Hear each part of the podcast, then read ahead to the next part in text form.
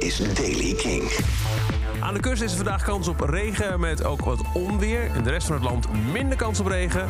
Een beetje bewolkt, beetje zonnig, temperatuur 16 à 17 graden. Nieuws over Nirvana, Liam Gallagher, Billie Eilish en Tame Impala. Dit is de Daily Kink van maandag 4 oktober. Michiel Veenstra. Spencer Elden. Misschien kun je die naam nog herinneren. Dat is de jongen op de voorkant van Nevermind van Nirvana. Die een paar weken geleden in het nieuws kwam omdat hij de band heeft aangeklaagd wegens kinderporno. Hij wil dat de afbeelding van zijn blote geslachtsdeel van de hoes wordt verwijderd. Dave Grohl heeft nu gezegd dat het wellicht wel eens zou kunnen gebeuren bij toekomstige uitgaves. In een interview met The Sunday Times.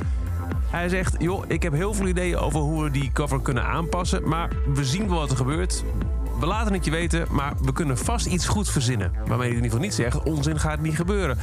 Als het dan ook wat verderop in het interview gaat over... wat vind je van die aanklacht, zegt hij...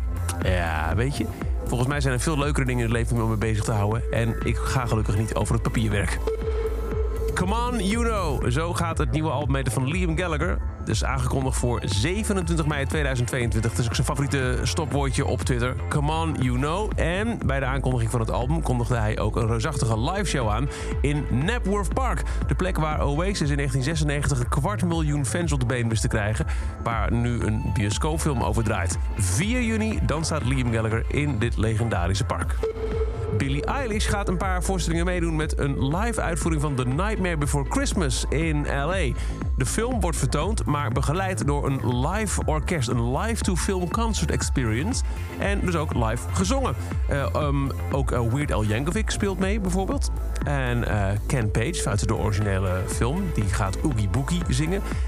En Danny Elfman, de componist van de muziek, die gaat Jack Skellington doen. Wat hij ook in de film zelf deed. Billie Eilish gaat Sally's Song spelen tijdens de live-uitvoering dus van A Nightmare Before Christmas.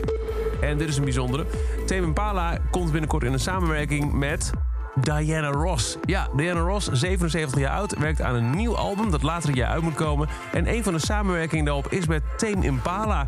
Uh, een van haar woordvoerders zegt ze mag 77 zijn, maar ze wil altijd de grenzen van haar muziek verder vooruit duwen en een, aan, uh, een uitdaging aangaan. En dat is in dit geval dus een samenwerking met Tame Impala. En dat is over deze editie van The Daily Kink. Elke dag een paar minuten bij met het laatste muzieknieuws. Wil je er niks missen? Abonneer je dan op The Daily Kink in je favoriete podcast-app... of check elke dag de Kink-app of kink.nl. En meer nieuwe muziek en muzieknieuws hoor je s'avonds om 7 uur op Kink in Kink in Touch. Elke dag het laatste muzieknieuws en de belangrijkste releases in The Daily Kink. Check hem op kink.nl of vraag om Daily Kink aan je smart speaker.